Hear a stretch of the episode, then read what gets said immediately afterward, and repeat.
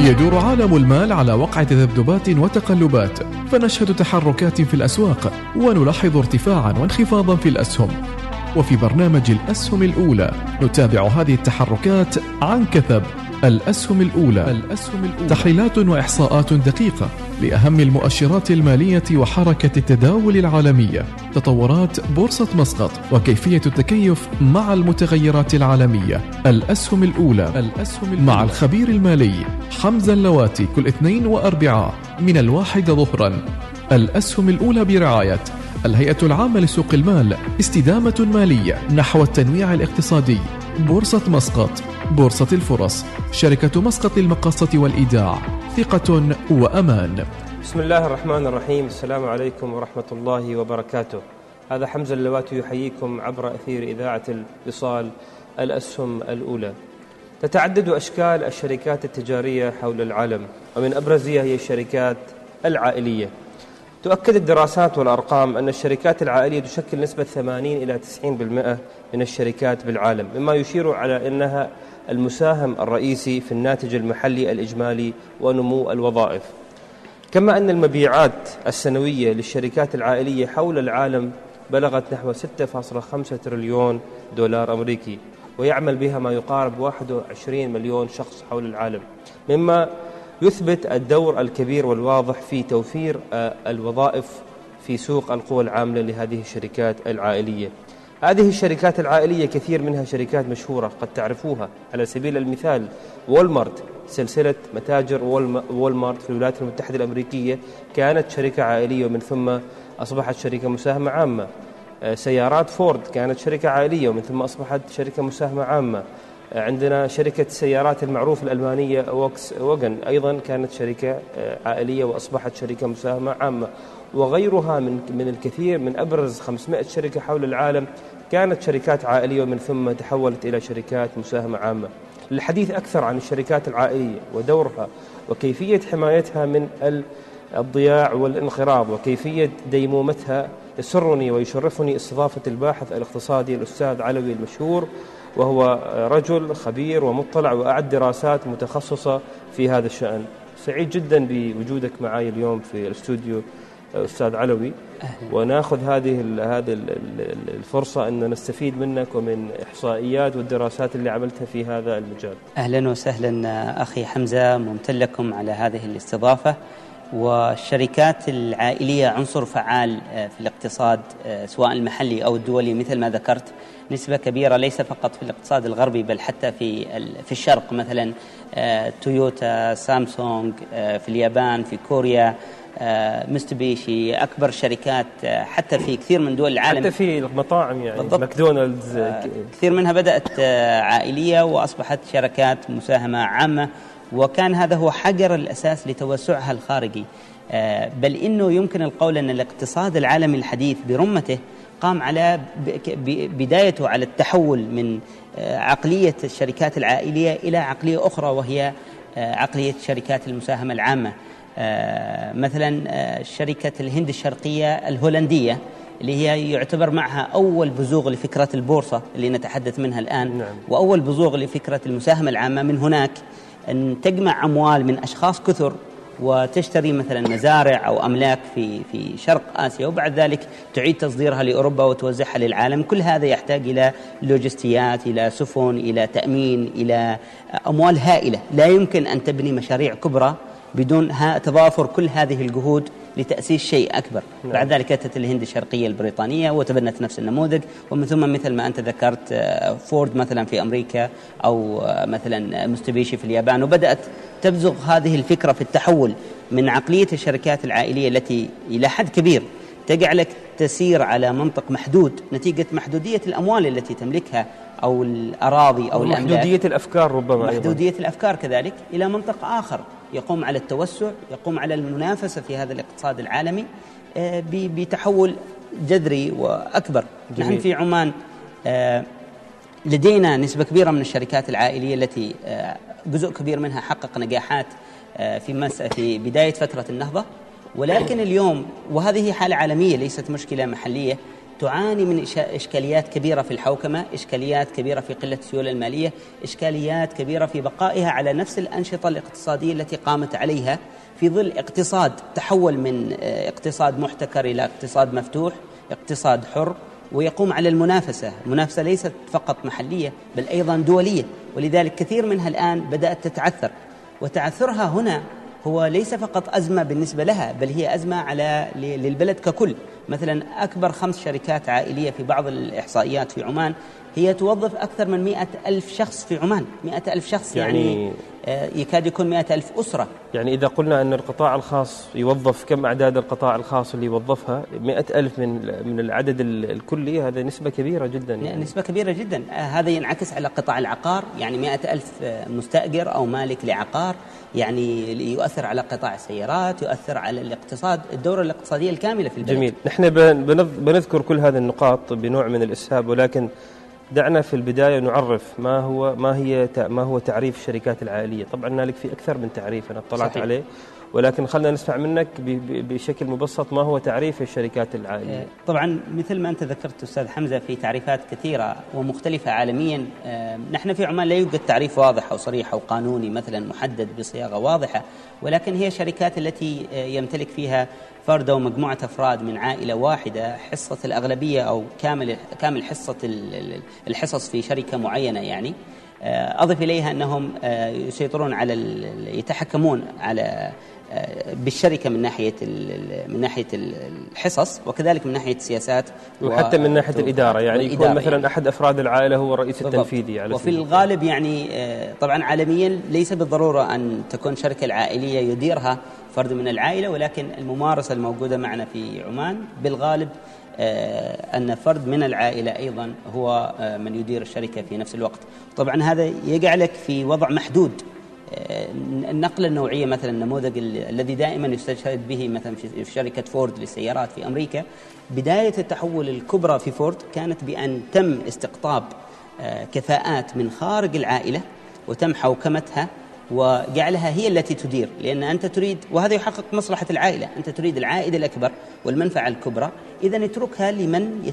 لمن لديه أكبر مكنة أو قدرة من إدارتها وهنا حتى هذا التحول في فورد كان يعني تحول في قطاع الموارد البشرية في قطاع حوكمة الشركات في قطاع قوانين الشركات التجارية وانعكس على بقية العالم. نحن اليوم في عمان بأمس الحاجة لطفرة من هذا النوع تحدث تغيير آه، في هذه العقلية. هو الشركات العائلية بشكل عام لو يعني لو رأينا الخليج على سبيل المثال نجد على أن الشركات العائلية لها تمكن ولها يعني آه، سيطرة آه، من خلال خبراتها المتراكمة في كثير من القطاعات الحيوية. صحيح. مثل قطاعات التجزئة بالجملة التجزئة التقليدية عندنا قطاعات الترفيه وغيرها والنقل.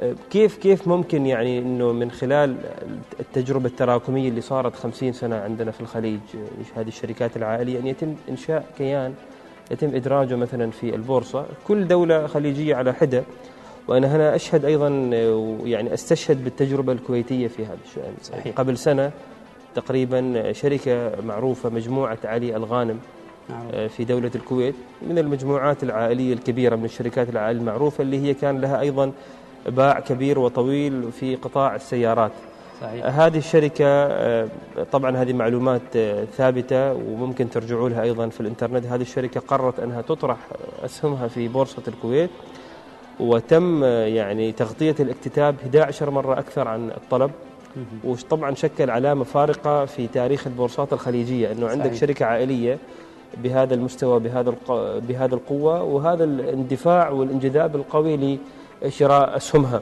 صحيح. هل تتوقع مثل هذه التجارب ممكن أيضا تصير معنا في السلطنة ونشهد نفس الإقبال ونفس الانجذاب؟ أعتقد آه، هذا ممكن جدا خصوصا إذا كانت هذه الشركات قبل أن تقوم بعملية الإدراج اتجهت نحو الحوكمة الإفصاح المالي الشفافية عالجت مشاكلها التعثر المالي تخلصت من بعض المشاكل مثلا بعضها لا زال يحافظ على وجوده في قطاعات آه، تلك القطاعات مثلا غير ناجحة أو غير مستدامة إذا استطاعت أن تعيد ترتيب آه، بيتها الداخلي بالإمكان بعد ذلك إنها تتجه نحو نحو مثلا محاولة الادراج يعني. لكن بدون ذلك إذا مثلا كانت الصورة الموجودة عن هذه الشركات أنها مثلا تعاني من الانقسام والتشتت في صنع القرار وللأسف الشركات العائلية في الغرب تعاني من مشاكل كبيرة وفي الشرق لكن في العالم العربي تعاني من مشاكل أكبر بسبب أن الشركات العائلية في العالم العربي عدد الورثة كبير.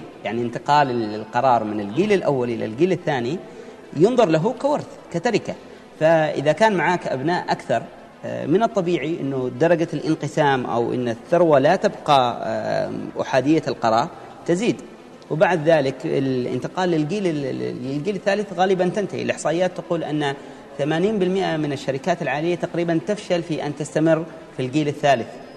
وبعضها تقول أن وصولا إلى الجيل الرابع تقريبا 1% هو الذي كشركات عالميا يعني يستطيع أنه نعم. يك يستمر أن يظل صامد يعني. أن يظل صامدا في ظل في ظل هذا الكم الهائل من من المتغيرات في الاقتصاد العالمي أضف إليها عدد الأبناء الكبير في في الأسر العربية بشكل عام يعني لذلك في اعتقادي الحل في الاتجاه نحو شركات المساهمة العامة وهنالك نماذج يعني مثلا النموذج الذي ذكرته في الكويت كذلك نماذج لشركة الأنصاري مثلا للعملات أو للصرافة, للصرافة في, مثلاً. في الإمارات. في الإمارات مؤخرا كان كان صحيح. في نتائج مبهرة كذلك. كان اكتتاب ناجح وإقبال كبير عليه. وإقبال جدا كبير في في بعض دول الخليج في السعودية كذلك في توجه جدا كبير بهذا الاتجاه. يعني نحن عندنا أيضا بعض الشركات اللي هي قد نسميها الآن أصبحت محلية ولكن يمكن أساسها كان استثمار أجنبي. صحيح.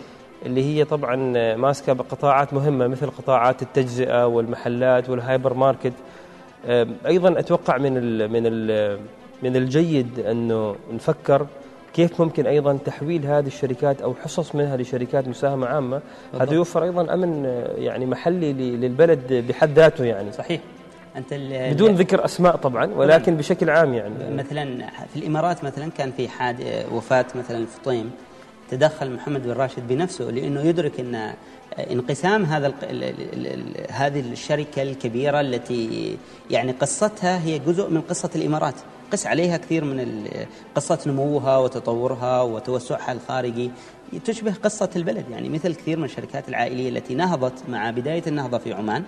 وأي تأثر أو تراجع لها سيؤثر على البلد. يعني اليوم أنت في اقتصاد عالمي يحتاج إلى وجود رؤوس أموال ضخمة ويحتاج إلى المنافسة، يحتاج إلى البحث والابتكار يعني البحث العلمي والابتكار الآر دي. بدون مثلا الآن في القطاعات الصناعية، كيف يمكن أن تنافس إذا لم يكن لديك سيولة مالية كبيرة لاستقطاب آخر التقنيات حتى في الشراكة مع مثلا أهمية الشركات العائلية مثلا. آه، كثير من هذه الشركات العالمية تثق بها المؤسسات الكبرى وكالات السيارات آه، أكبر الفنادق في العالم شركات اللوجستيات شركات التجزئة فأي انهيار فيها هو يعني أن الثقة في الاقتصاد المحلي كذلك تنهار. لذلك مثل ما أنت ذكرت بعض الشركات العائلية في العالم حافظت على أسمائها وحافظت على الحصص الكبرى فيها وانتقلت للإدراج ولشركات المساهمة العامة. في سؤال مهم يجب أن يطرح هنا أن ما الذي إذا ما الذي يمنع أن أن يحصل هذا؟ بس قبل ما نروح لهذا السؤال في حاب أيضا يعني حتى حتى نكون موضوعيين. نحن الآن مع طرح الشركات العائلية لل في البورصة. صحيح. ولكن دعنا نستمع الطرف الآخر اللي هم الشركات العائلية. هم يقولوا يعني هل الحوكمة والشفافية مقرونة فقط بالبورصة؟ نحن بإمكاننا أن نكون شفافين. صحيح. نحن بإمكاننا أن يعني نصدر نشرات دورية ربع سنوية. نحن بإمكاننا أن نخبركم وش اللي جالس يصير في هذه الشركات بدون, بدون. الحاجة إلى الإدراج يعني. ف ف فكيف ترد عليهم أو كيف توضح هذا النقطة يعني؟ هو صحيح أنه وجود إفصاح وحوكمة ومعايير شفافية داخل الشركات العائلية أفضل من عدم وجوده. لكن الغرض من التحول لشركات مساهمة عامة هو يتجاوز مبدأ الحوكمة إلى شيء أهم. يتجاوز ذلك لأن آه، أنت تريد مثلا أعطيك مثال في اليابان. اليابان ما بعد مع نهضتها الحديثة شعروا بعد الحرب العالمية بعد الثانية. الحرب العالمية الثانية مثلا شعروا أنهم بحاجة على فكرة أمس كانت الذكرى السنوية لإلقاء قنبلة آه على هيروشيما. هيروشيما أيوه. فشعروا أنهم بأمس الحاجة لصنع كيانات اقتصادية كبيرة تستطيع أن تنافس الشركات في أمريكا وفي ألمانيا وفي بريطانيا وفرنسا.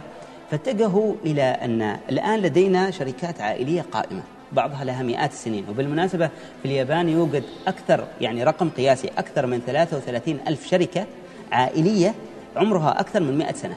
في اليابان. أكثر من 33 ألف شركة عائلية عمرها أكثر. تتصدر العالم إذا في تتصدر في العالم في عدد الشركات العائلية وفي عدد الشركات الأطول عمرا نعم. فكان السؤال الاقتصادي يقول لماذا شركات يطول عمرها في اليابان؟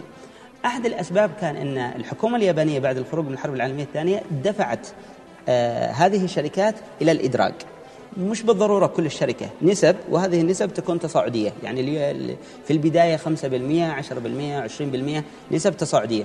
الأمر الآخر أن الحكومة ربطت دعمها والإعفاءات الضريبية والامتيازات التي تمنحها للشركات بمسألة الإدراج وكذلك الدعم في مساعدتها في التصدير للخارج. بمعنى يعني هي راح تدعمك في مسألة التصدير للخارج وتعطيك إعفاءات جمركية وكذلك تعطيك إعفاءات ضريبية في حالة أنك اتجهت للإدراج الآن الغرض من الإدراج ليس مجرد أن الشفافية والحوكمة بل صنع كيانات اقتصادية كبيرة تستطيع أن تنافس في الاقتصاد العالمي.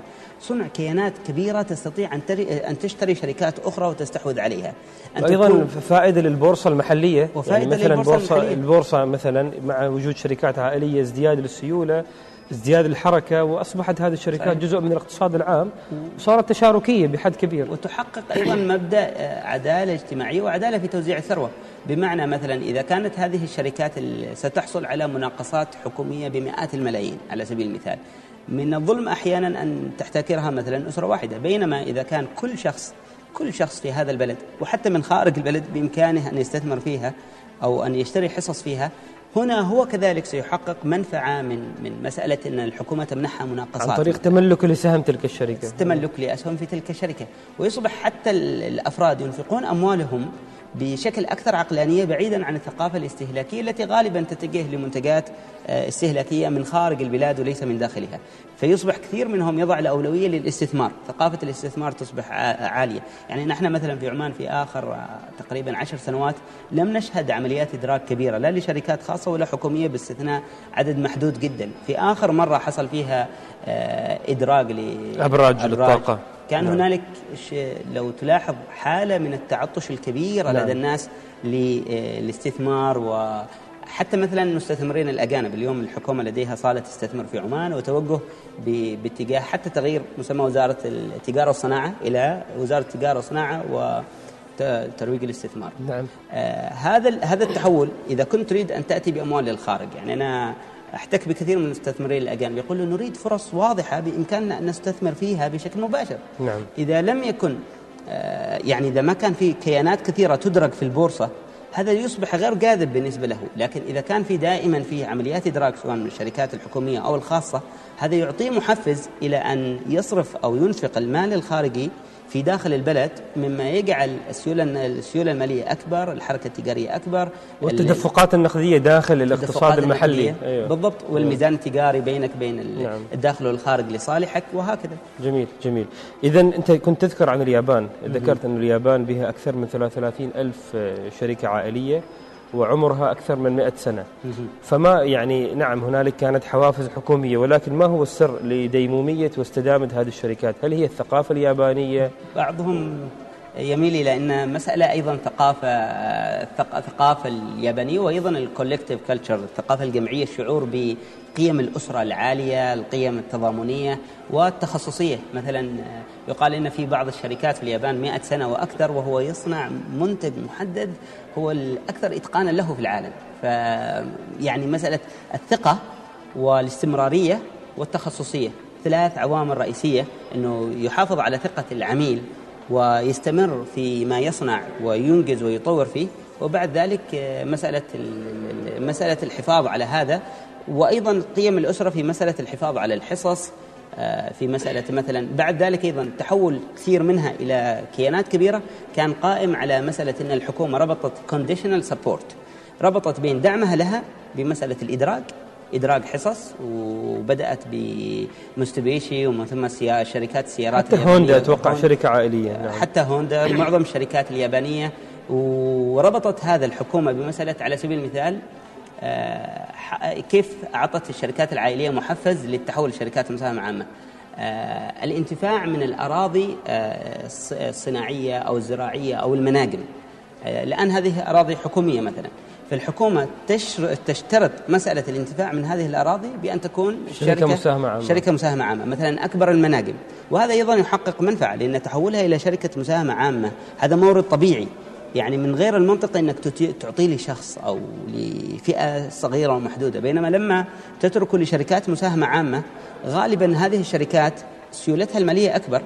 فهي تستطيع أن تستورد أكبر مثلا الأجهزة التي بإمكانها من خلالها استخراج هذه الموارد الطبيعية أن تحول هذه الصناعات من مجرد تصدير مورد طبيعي إلى صناعات تحويلية. آه، إلى اشياء أكبر من ذلك وكان هذا مرتبط بمسألة الإدراك وكأني أستشف من من من ما تقول على أنه من أحد أسباب أن الشركات الشركات في منطقتنا ظلت محصورة في نطاقها الإقليمي والمحلي ولم تتجه للعالمية هو أنها لم تدرج أنفس لم تدرج نفسها بالبورصة وظلت صحيح. آه، يعني محتكرة من قبل عائلتها نفسها لذلك صحيح. غابت الأفكار وغاب الإبداع بينما نفس الشركات العائلية في في مناطق أخرى من العالم اتجهت للعالمية مثل ما ذكرنا صحيح. من أسماء نتيجة هذا التحول الجذري في في بنيتها وهيكلتها. صحيح وإلى حد كبير مثلا في باحث مهم دكتور عمر الشهابي باحث بحريني لديه كتاب مهم خريج جامعة أوكسفورد ومحاضرة توقع الآن في جامعة ليدز يمكن في بريطانيا أو جامعة كولومبيا في في كندا لديه كتاب مهم اسمه تصدير الثروة واغتراب الإنسان.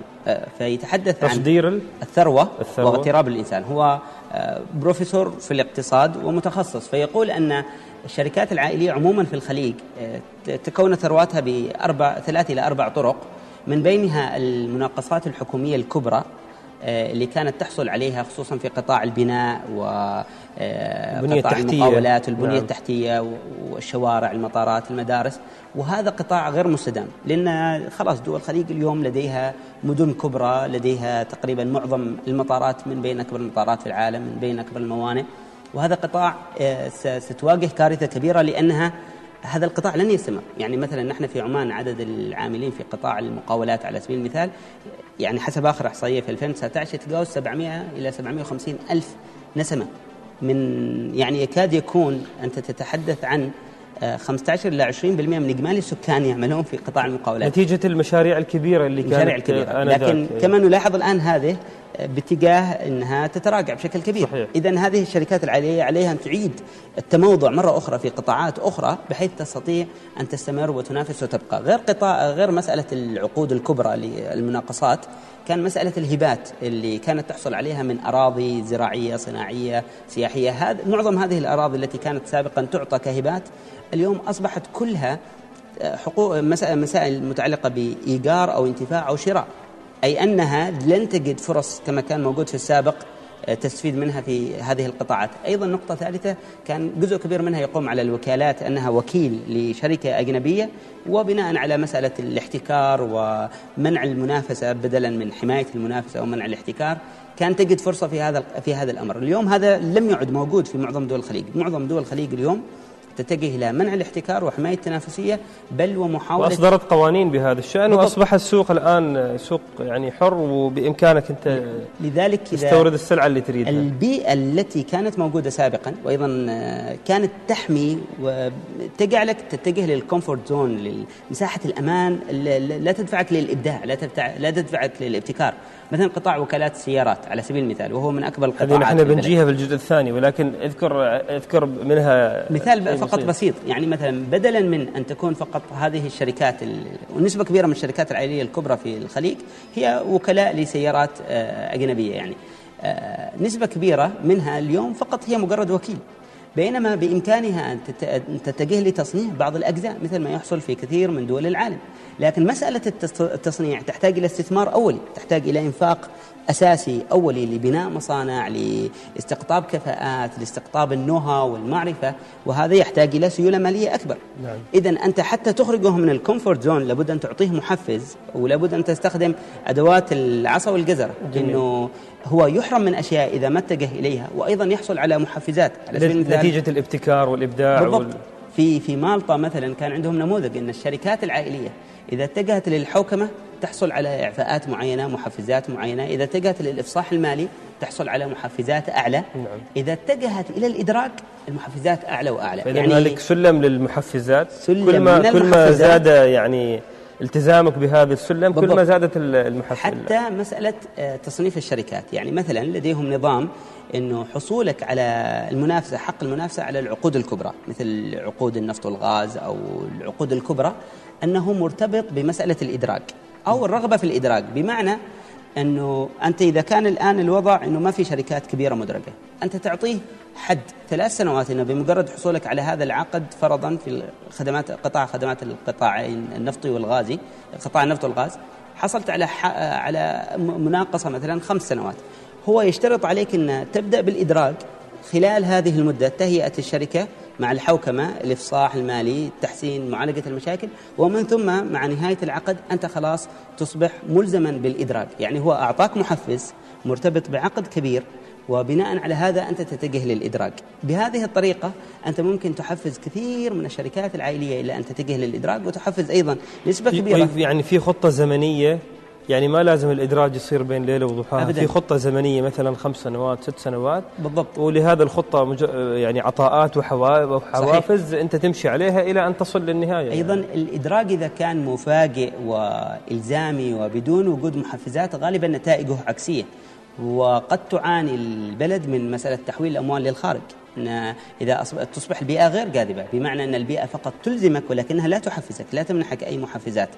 الحل المنطقي والواقعي هو تبني فكرة بها مسألة تدرج في مسائل الإدراج وبها أيضا مدة زمنية قبل فرض الإدراج وأيضا أن تكون هنالك محفزات مقنعة تدفع هذه الشركات للادراج ويتوافق مع توجه استراتيجي باتجاه مثلا تعزيز التصدير الخارجي آه، باتجاه آه، صنع كيانات اقتصادية كبرى قادرة على المنافس المنافسة في الاقتصاد العالمي. يعني يفترض أن يكون هنالك صورة كلية آه، استراتيجية بهذا الاتجاه تربط بين مثلا البورصة أيضا تسهيلات البورصة مثلا كثير من الشركات في القطاع الخاص تت- تتحدث عن ان في الشركات الع- العائلية يعني تتحدث عن إنه تعقيدات الادراج مثلا تكاليف الادراج ل- بعضها منشورة لبعض الشركات قد تصل لنص مليون ريال عماني آه، مسائل الادراج ويعتمد كثير على موضوع رأس المال رأس المال رأس المال و- والحصص وغيرها من الحصص، التفاصيل. آه. طبعا هنالك في محفزات وفي أيضا مخاوف يعني صحيح. عند بعض الشركات في مخاوف. ربما نحن الوقت لم يسعفنا الحديث بتفصيل عن هذا الموضوع ولكن أنا خبر المتابعين هذه ليست النهاية. انتظرونا الحلقة القادمة الجزء الثاني من الشركات العائلية وإدراجها بالبورصة. نتحدث فيها أستاذ علوي أكثر عن الحوافز نتحدث فيها أيضا عن المخاوف وأيضا نتحدث فيها عن نقاط تفصيلية أخرى. تابعونا عبر الأسهم الأولى الحلقة القادمة يوم الأربعاء الجزء الثاني من الشركات العائلية وإدراجها في البورصة مع الأستاذ علوي المشهور. هذا حمزة اللواتي يحييكم عبر الأسهم الأولى عبر أثير إذاعة الوصال. هذه الحلقة كانت برعاية بورصة مسقط الهيئة العامة لسوق المال وشركة مسقط المقاصة والإيداع. حياكم الله والسلام عليكم ورحمة الله وبركاته. يدور عالم المال على وقع تذبذبات وتقلبات فنشهد تحركات في الأسواق ونلاحظ ارتفاعا وانخفاضا في الأسهم. وفي برنامج الأسهم الأولى نتابع هذه التحركات عن كثب.